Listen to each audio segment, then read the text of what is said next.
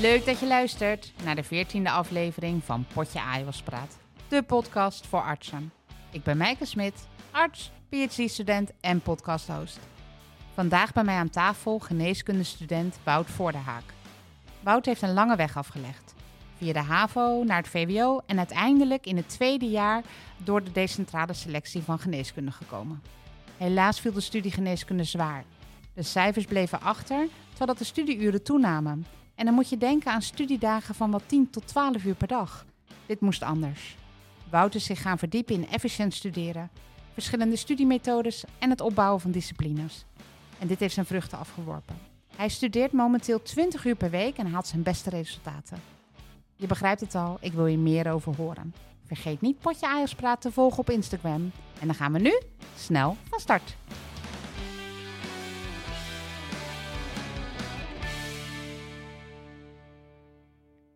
Zo, Wout, leuk dat je er bent. Ja, dankjewel. Leuk om hier te zijn. Ja, welkom. Ehm, nou, ik zei het al een beetje in de introductie. We hebben heel veel te bespreken vandaag. We gaan het dus hebben over efficiëntie en over het opbouwen van disciplines. En dat zijn natuurlijk onderwerpen die echt voor iedereen relevant zijn. Maar voordat we dat gaan doen, wil ik gelijk eventjes gebruik maken van jouw decentrale selectieervaring. Want dat is denk ik toch uh, iets wat een, nou ja, een lastig thema is voor veel middelbare scholieren. En die willen heel graag jouw tips en tricks daarover horen. Kan je iets vertellen over hoe dat bij jou gegaan is? Ja, zeker. Um, nou, het eerste jaar uh, was ik vooral heel erg gespannen voor de decentrale selectie. Ik uh, wist gewoon niet zo goed wat ik er mee aan moest, hoe het allemaal in elkaar zat en wat ik allemaal kon verwachten. En um, ik ben toen gewoon per universiteit ben ik gaan uitzoeken, oké, wat vragen ze van me? Wat zit er in de uh, decentrale selectietoetsen?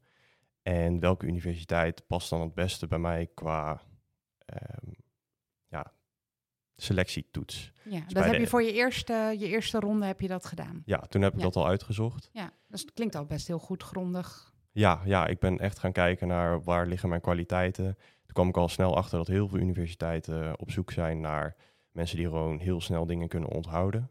Mm -hmm. En um, ik wist dat dat niet mijn sterkste punt was. Dus toen ben ik op zoek gegaan naar, zijn er nou ook nog universiteiten die daar anders over uh, toetsen? En toen kwam ik al snel uit bij Maastricht. Mm -hmm. En um, in Maastricht heb ik, had ik het idee dat, dat het niet per se de focus lag op hoe snel kun jij stof onthouden of hoe goed kun jij toetsen maken, maar meer op wat is jouw, um, hoe is jouw empathisch vermogen en wat voor uh, inzichten kun jij ons geven. Ja, dus een heleboel andere kwaliteiten die ook belangrijk zijn in het beroep als arts. Ja. Wordt daar in jouw nou, optiek werden die meer meegewogen? Ja. Ja. ja, ik moest het niet hebben van een acht gemiddeld op de, op de middelbare school. Uh, en dat je dan um, ja, bijna al binnen bent bij geneeskunde. Bijvoorbeeld in Rotterdam of in Leiden heb je dat. Ja, in mijn tijd was dat ook inderdaad. Ja. ja hoe hoog je cijfer was, bepaalde hoeveel kans je had om binnen te komen. En dan boven de 8,5 of boven de 8, dan uh, was die kans echt heel groot. Ja, ja. klopt. Ja, oké. Okay, en al die informatie die heb jij gevonden gewoon op internet? Ja, en gewoon toen... bij, per universiteit gewoon de site afgaan. Wat um, gewoon echt in detail kijken naar wat zit er in de selectietoetsen. Um, wat past het best bij mij? En gewoon reflecteren op hoe doe ik het nu op de middelbare school? Zijn mijn cijfers nu goed genoeg om bijvoorbeeld in Rotterdam aangenomen te kunnen worden? Ja. Nou, ik kwam dus zelf al snel tot de conclusie dat dat niet goed genoeg was. Dus um, ja, maar ik wist wel dat mijn empathisch vermogen um, goed was. Ja, ja. ja en, en ja, een hele grote drive om ook echt geneeskunde te gaan studeren. Hè? Ja. Een grote wens. Maar goed, die eerste keer ben je het uiteindelijk niet geworden, ben je niet aangenomen. Nee, klopt.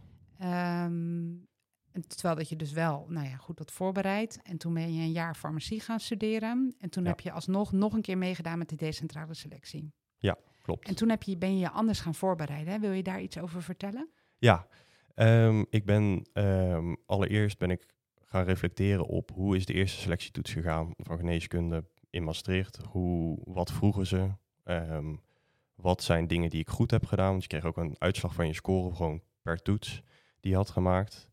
En toen kwam ik al snel achter dat er ja, bij een onderdeel van de toets het niet zo goed was gegaan. Ook omdat ik gewoon er te lang over had gedaan, te veel over aan het nadenken was. Oh, ja. En um, ja, ik kan er natuurlijk niet al te veel over kwijt, omdat je um, ja, een geheimhoudingsverklaring Ja, je mag eh, daar inhoudelijk niets over zeggen. Hè? Nee, Maar als jij zegt toetsen, ik heb, ik, dan komt er niet iets bij me op waarvan ik denk, oh, dat gaan ze toetsen. Want ik bedoel, je hoeft dan nog geen medische kennis te hebben voordat je aan geneeskunde start. nee, klopt, klopt. En Maar ik bedoel, je VWO, daar heb je toch ook gewoon je eindexamen. Dus in Ja. wat, voor, wat voor dingen toetsen ze dan? Ik heb even geen beeld daarbij. Ehm, ja, ze, zoals ik zei, ze toetsen echt je empathisch vermogen. Ze, st- ze stellen wat diepgaandere vragen over bepaalde situaties. En dan moet je daarop reflecteren. en ja, daar maar er zitten ook geven. nog van allerlei andere toetsen. Maar dat kun je in principe kun je dat gewoon allemaal online vinden. Oké. Ja. Ja. Ja. ja. En, en, en toen ben je dat dus allemaal gaan, je bent dat dus gaan eh, nou ja, reflecteren van hoe heb ik dat de eerste keer gedaan? Nou, dat is logisch, hè, dat zou iedereen doen.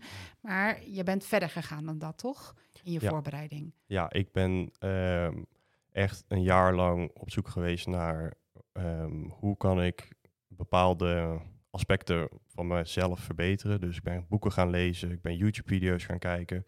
Hoe hebben andere mensen dit gedaan? Waar kan ik van leren? En ehm, ik ben het ook gewoon gaan visualiseren.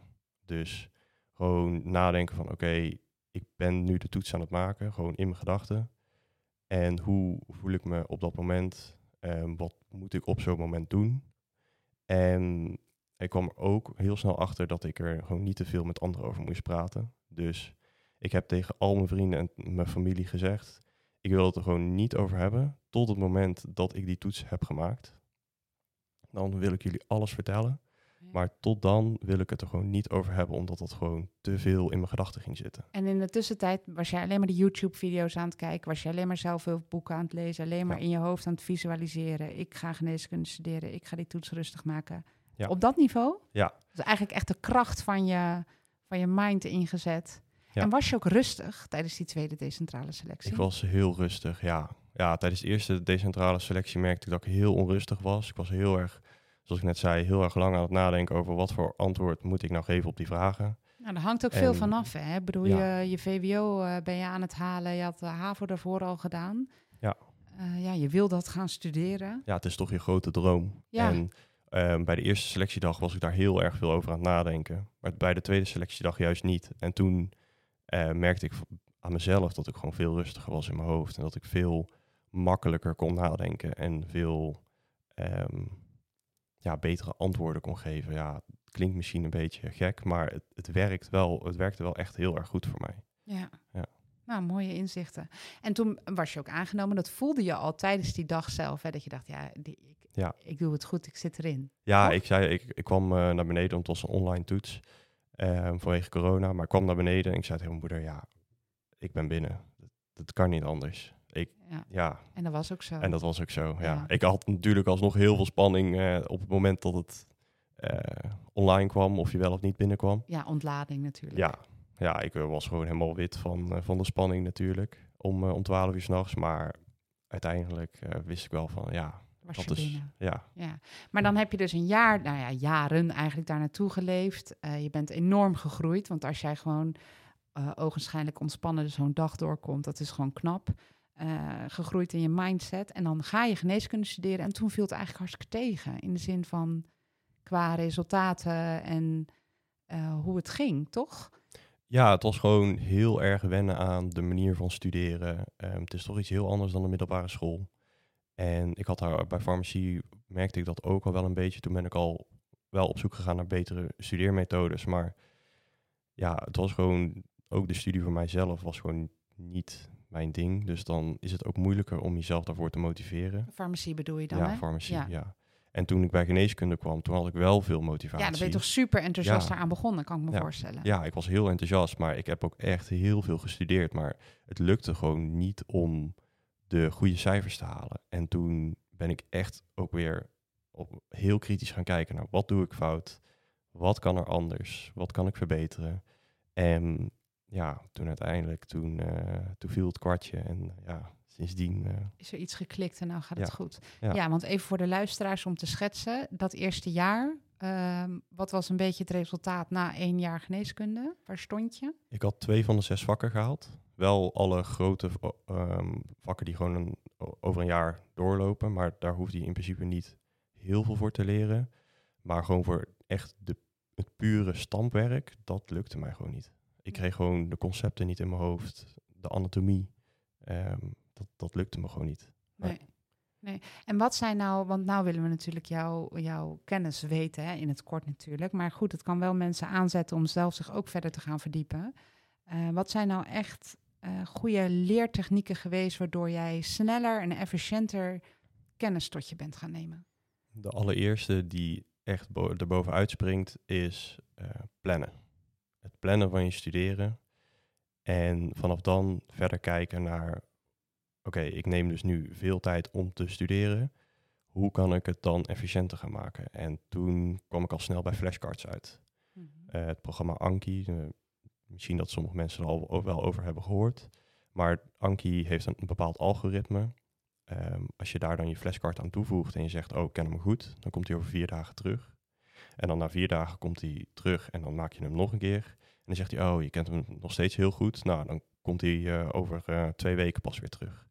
En door zo iedere keer een onderscheid te maken tussen alle onderwerpen die je al goed kent en die je slecht kent, blijf je eigenlijk gewoon heel snel de focus houden op de onderwerpen die je slecht kent. En dan ja, dan door daar je de hele... snel bij. Exact. Ja. Ja. Hey, en die flashcards die vul je dan gewoon na een college of nadat je een hoofdstuk hebt gelezen? Of... Ehm, ja, ik probeer eerst gewoon het, het concept van de stof te begrijpen. Ja. Dus ik maak een kleine uh, schematische samenvatting eigenlijk van het onderwerp. En vanaf dan ga ik kijken naar, oké, wat zijn de details en waar moet ik, wat moet ik nou echt kennen voor het tentamen? En dan ga ik daar specifiek vragen over maken. En dan maak ik de vraag echt op zo'n manier zoals ze op het tentamen gesteld kunnen worden. Oké. Okay. Klinkt wel ja. inderdaad als een hele techniek. Ik had Ja. het ook moeten weten tijdens mijn studie. ik heb ook echt serieus dagen van 10, 12 uur gezeten. Ik moet zeggen, ik vond dat ook lekker. Ik vond dat fijn. Ja, Uh, ik dat ook, was hoor. ook mijn taak, zeg maar. Ik dacht, ik, ik studeer dit, dus dit ga ik doen. En mijn cijfers waren ook goed. Ehm, maar efficiënt, nou, dat, uh, die stempel kon ik mezelf niet geven. Dat ben ik later wel geworden, hoor, moet ik zeggen. Uh, maar dit had ik inderdaad eerder moeten weten. Hey, en, um, en dit zijn dan flashcards, maar wat doe je nog meer? Want het is vast niet het enige. Nee, nee, klopt. Um, op het moment dat ik dan de flashcards aan het leren ben, dan is er bijvoorbeeld een, uh, een moeilijk proces, laten we zeggen de citroensuurcyclus. Ja. En dan gebruik ik de Feynman-techniek daarvoor. Um, dat is eigenlijk gewoon heel simpel uitgelegd. Je legt het uit aan een kind van vijf. Dus je doet gewoon net alsof je het aan een kind van vijf aan het uitleggen bent. En dan maak je het concept dus zo makkelijk voor jezelf, dat je het op een gegeven moment gewoon wel gaat onthouden. En dan komen die details, die vullen zich dan vanzelf aan. Ja. ja. Maar dit, zijn, dit is ook een goede techniek, denk ik, om jezelf aan te leren, omdat dit ook iets is wat je in de spreekkamer doet. Ja, ja. Want niet, een, niet alsof je patiënt een kind van vijf is, zo bedoel ik het niet, maar wel, je maakt wel ingewikkelde processen begrijpbaar, behapbaar. Ja, en ik heb er ook wel eens een keer een, een, een stukje gelezen over. Uh, als je het aan een kind van vijf kan uitleggen, gewoon heel simpel, een hele simpele taal. Dat is het moment waarop je het zelf het beste begrijpt. Okay. Dus je moet het uit kunnen leggen aan iemand anders voordat je, of als je het kan uitleggen aan iemand anders, dan weet je dat je de stof begrijpt. Ja, ja. oké. Okay. Ja. En uh, ik las ook nog, want jij deelt al deze studietips op Instagram, dus daar ja. heb ik natuurlijk ook zitten kijken. Ik las ook nog iets over uh, de second brain. Uh, ja, klopt. Um, daar ben ik zelf nu ben ik een beetje aan het uh, experimenteren met hoe dat werkt. Ja, um, leg uit. Dus dat, ja, ik kan er momenteel nog niet al te veel over zeggen. Het is gewoon meer een principe van dat je een extern programma gebruikt om um, ja, zo goed mogelijk te kunnen leren. Dus bijvoorbeeld Anki of bijvoorbeeld um, uh, een programma zoals Notion op je iPad, dat je gewoon alles, of Notion, excuses, uh, Notability. Ja. Um, dat je gewoon een schematische samenvatting maakt en dat je daar op hebt staan. En dat je dan op het moment dat je dan ja, niet aan het studeren bent, dat je er ook niet meer over hoeft na te denken. Dus dan staat daar de informatie, dat is het. Okay. Dus dat is dan eigenlijk je tweede brein. Ja, ja. precies. Oh, dat is ja. ook nog wel iets heel interessants. Hey, en um, nou ja, hier ben je dus steeds beter in geworden. En je hebt ook gemerkt dat daardoor het studeren makkelijker ging. En dat je echt van nou ja, extreem veel studeren naar, ik zei in de introductie, 20 uur per week. Maar klopt dat een beetje? Um, ja, gemiddeld denk ik wel. Ik, volgens mij was afgelopen tentamenweek, heb ik denk ik in totaal ja, wel 20 uur maximaal gestudeerd. De dag voor het tentamen één uurtje, de dag daarvoor misschien drie uurtjes. Maar gewoon omdat ik gewoon, ik, ik begreep het. Ik, ik wist gewoon wat ik op het tentamen kon verwachten. En dat maakt het gewoon, ja, dat geeft gewoon heel veel rust. En dan hoef ik ook niet van mezelf nog 20 uur te studeren. Nee, uh, twee dagen van tevoren. Tot diep in de nacht studeren voor een nee. tentamen, dat is iets wat jij niet meer kent. Nee, ik maar heb wel, gekend, gedaan. Ja, ja ik heb het zeker gedaan. Ja. ja. Maar goed, kijk, we hebben het nu. Kijk, je kan natuurlijk denken hè, voor de luisteraars, hey, het is potje AJOS praat. Uh, dit is natuurlijk met name uh, interessant voor studenten. Maar ik denk wel dat deze skills en deze technieken, dat gaat je leven lang mee. Ja, klopt. En het, ik... het gaat gewoon bij alle concepten ook om um, ja, concepten als arts zelf nog steeds beter te begrijpen of te onthouden, dan zijn dit gewoon hele simpele methoden om het gewoon snel te leren. Ja, nou ja, zeker. En ik bedoel ook als AIOS en als medisch specialist ook, want het is een leven lang leren. Hè? Dus we, we blijven natuurlijk lezen en uh, nascholingen volgen, studeren. Dus het is gewoon natuurlijk, uh, het, dat zijn technieken en dingen waar je over na kan denken voor, voor, nou ja, voor je hele leven. Dus dat is, uh, ja. En als jij nu zo samenvat, hè, als je nu um, gaat denken, wat is nou de, de stel, ik ben een PhD-student en ik um, ga mijn verdediging voorbereiden. En daarvoor ga ik weer opnieuw studeren, ga ik lezen, ga ik uh, nou ja, waarschijnlijk weer in eerste instantie vervallen in veel te veel uren dat uitzoeken, want dat is natuurlijk wat ik kende. Als ik dat nou op een efficiëntere manier ga aanpakken, met wat voor techniek kan ik dan het beste gaan starten? Um, oeh, dat, vind ik een, dat vind ik een lastige. Uh, zeker omdat ik zelf de rol van PhD-student nog niet helemaal nee, dat goed ik. ken. Um, maar ik zou gewoon beginnen met um, schematische samenvattingen maken. gewoon heel kort en bondig opschrijven. Oké, okay, wat, wat voor informatie heb ik nu gevonden? En is dit belangrijk? ga ik dit nodig hebben om het thesis straks te kunnen verdedigen? Ja, wat is de kern? Ja, wat is de kern van mijn verhaal? Wat, waarom sta ik hier nu mijn thesis te verdedigen. En dan kun je dat zeg maar als een soort boom uh, ja, beschouwen. En dan kun je daar allemaal kleine takjes aan toevoegen. En dan komen zo de details allemaal samen. Ja, precies. En dan ga je steeds meer focussen. Ja. In, uh, Oké. Hey, en uh, ik had op Instagram gevraagd aan um, AJOS of ze nog vragen hadden voor jou. En er waren toch wel een aantal die zeiden van ja, ik heb last van uitstelgedrag. Oh, of ja. je daar tips voor zou kunnen geven. Ja, um, daar heb ik uh, de Pomodoro-techniek. Ja, het zijn allemaal fancy namen, maar het is eigenlijk gewoon vrij simpel. Je gaat 50 minuten studeren en dan neem je even 10 minuten pauze. En um, dat, dat doe je dan om je brein even een beetje te ontlasten. En dan voelt het studeren ook niet per se als een hele moeilijke taak. En als je dan ook nog eens de dag van tevoren uit, uh, uh, zeg maar, plant wanneer je wat gaat doen. Dus oké, morgen moet ik um, dit en dit doen voor de Unie. Hoe lang heb ik daar ongeveer voor nodig? Een uurtje of vier, prima. Neem gewoon iets meer tijd in beslag dan nodig is. Ja. Um, dus stel je denkt dat je er drie uur over, voor nodig hebt, dan plan je vier uur in, voor het geval dat.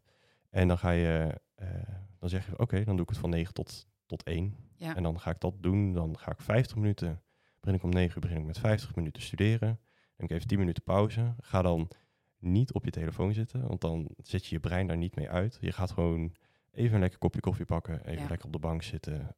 Maakt allemaal niet uit. Of je gaat een praatje houden met een van je huisgenoten of je belt iemand. En dan na 10 minuten, dan ga je weer zitten. Oké, weer 50 minuten. En dan... Um, hey, en belangrijk is inderdaad wat je net zei. Dus dat je dat de dag van tevoren plan je je dag. En niet, de, niet de ochtend zelf van wat ga ik vandaag allemaal doen. Ja. Maar wat is het belangrijkste wat ik te doen heb. Ja. En daarmee uh, plan ik mijn dag voor de volgende dag in. Ja, ja, ja zodat je s ochtends wakker wordt en dan zoiets. Uh, je wordt s ochtends wakker en dan denk je, oké, okay, vandaag ga ik dit en dit doen. Punt. Ja. Gewoon heel simpel. Ja, klinkt allemaal. Het klinkt, het klinkt allemaal zo makkelijk, hè, jongens. Ja, maar ja, en ik, bedoel, ik doe dat. Uh, ik, ik, doe dat ook niet. zeg maar, ik, ik ben daar ook niet perfect in. Ik zeg niet dat ik als ik dan s'avonds iets tegen mezelf zeg, oké, okay, morgen ga ik van 9 tot 12 studeren, dat ik dat dan ook echt altijd doe. Maar in 90% van de gevallen doe ik het wel, omdat het gewoon op papier staat. Dat is de afspraak die ik met mezelf heb gemaakt. Ja, jij hebt hele sterke disciplines, hè? Ja. Want um, nou ja, je studeert en geneeskunde en je werkt daarnaast nog zo'n 20 uur aan je social media kanalen. Uh, en je hockeyt op hoog niveau, begreep ik? Nou ja, zeg maar, ik, het is niet per se hoog niveau, maar je moet wel een, je hebt wel een bepaalde, uh, moet je dat zeggen, ja, um, inzet tonen om gewoon ja. bij dat team te horen. Hoeveel uur per week hockey je? Ehm, nou ja, we trainen twee keer twee uur en een kwartier. En dan ja, op zondag ben je meestal van 12 tot, nou wat is, wat is het, 6, 8 weg. Ja. En ehm, ja, daarbij ben je dan ook natuurlijk nog bezig met eh, het, trainen, zeg maar, het toewerken naar een training. Dus eten op tijd, eh, omkleden, eh, een beetje sociaal doen, gewoon gezellig ja, het is, met het ik team. vind het een behoorlijke inspanning. Is- naast, wel- een ba- naast een baan en een studie is dat toch Ja. behoorlijk. Ja. ja. Hey, en wat zijn nou dingen waar, waar eh, hoe kom jij zo gedisciplineerd? Wat zijn dingen die jij doet waardoor jou dit wel lukt? Ehm, nou, ik maak als allereerst een planning voor 8 à 10 weken. Dus dan ga ik gewoon, pak ik mijn agenda erbij, een stukje papier. En dan ga ik kijken, oké, wat heb ik wanneer? Dus wanneer heb ik hockey? Dat is op dinsdag en donderdagavond bijvoorbeeld. En dan weet ik, oké, dan kan ik niks doen. En dan, ehm, als ik dan op zaterdag of op zondag een wedstrijd heb, dan weet ik, oké, dan kan ik ook niks doen. Of dan kan ik misschien een klein beetje daarnaast doen, eh, maar niet al te veel. En als ik dan, ehm, laten we zeggen, eh, over zes weken een tentamen heb, dan weet ik van, oké, dan moet ik ervoor zorgen dat ik voor de tentamen al wel genoeg heb gestudeerd. Dus, maar dat kan dan niet op een dinsdag of op donderdag. Nee, precies. Dus het is Ja. echt regeren is vooruitzien. Hè? Ja. Dus jij bent echt van ik maak een grote planning, ruim van tevoren en dan plan ik alles in. En de afspraken die ik met mezelf maak, die kom ik na. Ja, Punt. Ja. Ja, heel simpel. Ja het, nou ja, het is misschien niet zo heel simpel. En het is ook niet dat het 100% van de tijd lukt. Want je moet ook gewoon een beetje flexibel blijven met leuke dingen doen. Zoals een, ineens spontaan gaan padellen met je huisgenoten. Maar het is wel de bedoeling dat als je opschrijft, oké, dit moet gebeuren, dan ga ik dat doen. En dan als dat dan op vrijdagochtend om 9 uur of op eh, woensdagavond om 9 uur moet, dat, dat maakt dan niet uit, zolang het maar gebeurt. Ja, precies. Dus dan wordt het gedaan. Ehm, nou vroeg ik me ook af, ehm, want dit is disciplines en routines heb jij dus heel duidelijk en dat brengt jou heel ver en dat maakt je ook efficiënt in hoe je, hoe je, hoe je werkt en hoe je bezig bent. Ehm, en op social media zie je natuurlijk vandaag de dag heel veel over de perfecte ochtendroutine bijvoorbeeld. De 5 AM Club is ook zo'n tak die dan zegt van je start vroeg je dag. Ehm, doe jij dat? Ben je daar, doe- ja, heb je daarin geëxperimenteerd hoe dat voor jou valt? Ja, ik, ik, ik heb daar wel in geëxperimenteerd. Ja, ik ben ook wel bezig geweest met wat, wat doet het als ik eh, bijvoorbeeld een maand lang om vijf uur opsta. Of eh, om zes uur. Ehm, ik heb, volgens mij heb ik ook wel eens een keer, toen ik farmacie studeerde, ben ik om drie uur s ochtends opgestaan. Gewoon puur om te kijken, wat, wat, wat doet het met me? Wat krijg ik hier energie van? Word ik hier productiever van? Ehm, en dan, meestal is het antwoord nee. Maar dan op een gegeven moment, toen merkte ik, oké, zeven uur, half acht opstaan. Nou, dat werkt voor mij prima. Ja, Ehm, en dan ga je kijken naar, oké, wat, wat wil ik 's ochtends doen? Wat zijn nou echt dingen die ik 's ochtends moet doen? Dus bijvoorbeeld gewoon even ontbijten, even wakker worden. Ehm, maar bijvoorbeeld voor, ehm, ja, voor mijn mentale rust wil ik dan ook gewoon even mediteren. Mhm. En dan weet ik, oké, ja, daar ben ik ongeveer 20 minuutjes mee bezig. Dus dan de avond van tevoren, dan zeg ik tegen mezelf, oké, ehm, ik ga om 7 uur opstaan.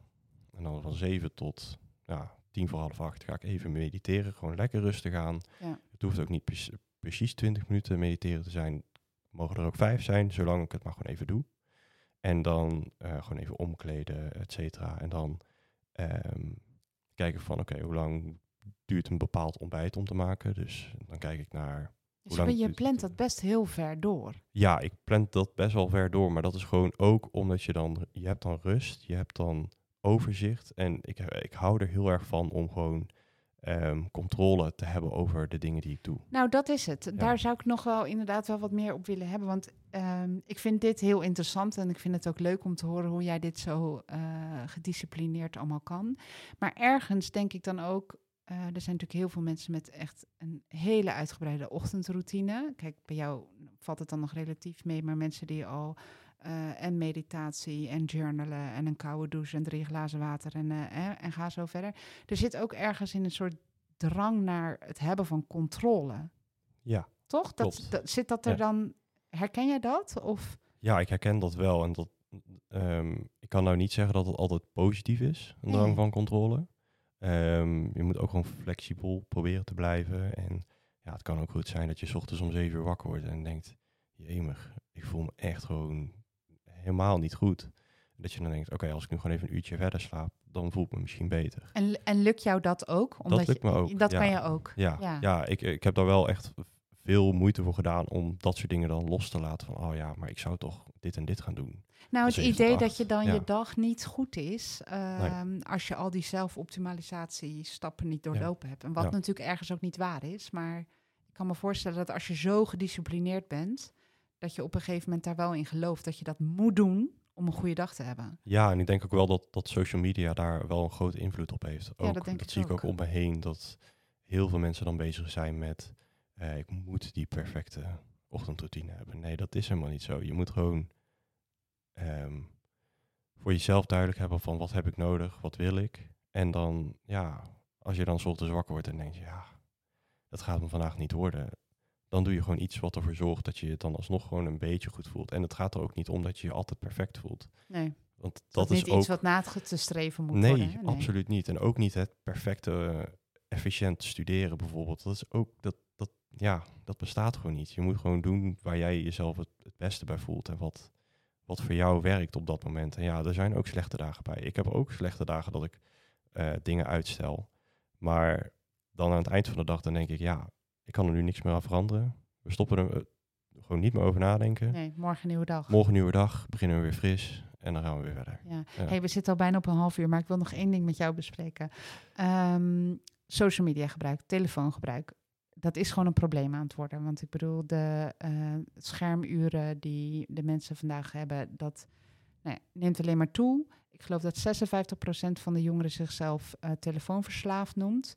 Ehm, ik weet dat als ik geconcentreerd zit te werken en ik krijg een appje en die ga ik lezen, dat ik eh, voor 20 minuten uit mijn echte geconcentreerde focus ben gehaald. Nou, en die telefoon gaat natuurlijk de hele dag door als je niet oplet. Wat zijn tips die jij hebt voor gezonde telefoongebruik? Ehm, zo. Zorg ervoor dat je in het eerste uur van je ochtend gewoon je telefoon niet aanraakt. Gewoon helemaal niet. Dat doe jij ook niet. Nee, Nee, dat probeer ik vooral op dagen dat ik studeer, probeer ik dat echt te vermijden. Want dopamine, ehm, zeg maar, je telefoon geeft je dan een dopamine shot 's ochtends al gelijk. En dat Ja. zorgt ervoor dat je dopamine levels eigenlijk op een hogere baseline zitten. Dus op een hoger gemiddelde. En dan heb je iedere dag, of dan heb je de hele dag, heb je meer prikkels nodig om die dopamine maar te blijven krijgen, te, te Ja. blijven behouden. Ja. Om jezelf een beetje goed te voelen. Maar als je dat in het eerste uur van de dag gewoon Niet loslaat, Ja. dan merk je dat je ja, minder neiging hebt om op je telefoon te gaan zitten. En dan op het moment dat je gaat studeren, verstop je telefoon. Echt gewoon ergens waar je hem niet ziet, waar je hem niet hoort. Zet het geluid uit, gewoon wegleggen. Eh, op je laptop geen WhatsApp-meldingen aanstaan, geen mail-meldingen aanstaan. Gewoon zodat jij achter je, laptop, achter je laptop kan gaan zitten en je gewoon ja, 100% kan focussen. ja. Uiteindelijk ben je dan natuurlijk minder uur bezig. Ja. En behaal je betere resultaten. Precies. En daarna Ja. meer vrije tijd. Ja. Goed. Wout, ik wil je bedanken voor al je mooie tips en inzichten. Ik vind het ontzettend leuk om te horen dat je hier eh, zo bewust mee eh, bezig bent. En dat je hier aan de, nou ja, een beetje experimenteren, kijken wat voor jou werkt. Maar ook dat je je tips deelt met medestudenten. En eh, nou ja, maar ik denk niet alleen voor studenten, hè, wat we al zeiden, ook voor artsen. Dus Ja. eh, bedankt voor je bijdrage. Ja, ik vond het heel leuk om, eh, om hierbij te zijn. Ja. Goed. Bedankt voor het luisteren naar de laatste aflevering van het eerste seizoen. Drieënhalve maand geleden ben ik gestart met de podcast. Ik vond het leuk om eens buiten mijn eigen comfortzone te gaan. Ik had nooit gedacht dat er nu 14 afleveringen zouden zijn die duizenden keren zijn beluisterd. De komende weken ga ik een fantastisch tweede seizoen uitdenken. Dus blijf Potje Huispraat volgen op Instagram en dan hoor je snel weer nieuwe mooie afleveringen.